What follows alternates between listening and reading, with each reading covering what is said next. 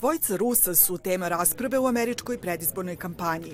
Smrt opozicionara Alekseja Navalnog u ruskom zatvoru dovele do zaoštravanja američke retorike o ruskom predsedniku Vladimiru Putinu i njegovoj invaziji na Ukrajinu, a pokazao se i jasan jaz između predsednika Joea Bidena i njegovog glavnog rivala Donalda Trumpa.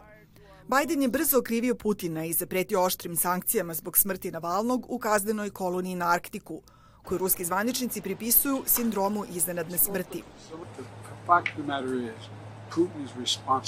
Činjenica je da je Putin odgovoran, bilo da je naredio ubistvo ili zato što je odgovoran za okolnosti u kojima se taj čovek nalazio. To je pokazatelj ko je on. To se ne može tolerisati i rekao sam moraće da se plati cena. Kremlj je saopštio da su američke tvrdnje neosnovane i uvredljive. Trump i Republikanska partija su zauzeli drugačiji pristup. Bivši predsednik kaže da ne bi podržavao NATO tako snažno kao Biden.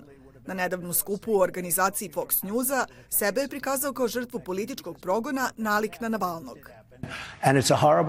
To je strašno, ali to se dešava i u našoj zemlji. Na mnogo načina se pretvaramo u komunističku zemlju. Ako pogledate, ja sam kandidat u vođstvu i protiv mene su podignute četiri optužnice. Nikada nisam čuo da je neko optužen ranije. Imam osam ili devet suđenja, sve zbog činjenice, a vi to znate, da se bavim politikom. All because of the fact that I'm in politics. Trump je bio neodređen u pogledu toga kako bi okončao rat Rusije protiv Ukrajine.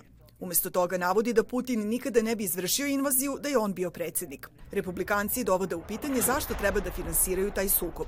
Ruska vojska nedavno je osvojila ključni grad Avdejevku, a Bela kuća kaže da je to dokaz da je ukrajinskim snagama hitno potrebna pomoć. Neki republikanci su uvereni da će zakočeni paket pomoći u vrednosti od 96 milijardi dolara biti usvojen. Veći deo te sume namenjen je Ukrajini. Mislim da sporo reagovanje Evrope i Sjedinjenih država nanosi štetu Ukrajini i zato ne smemo to da dozvolimo. Umeđu vremenu, rat je dobio širu dimenziju. This is becoming about America. What is Will America continue? Ovde se sada radi o Americi. Da li će Amerika nastaviti da igra ulogu sile koja ispunjava svoje obećanja, poštuje saveznike i može da projektuje snagu?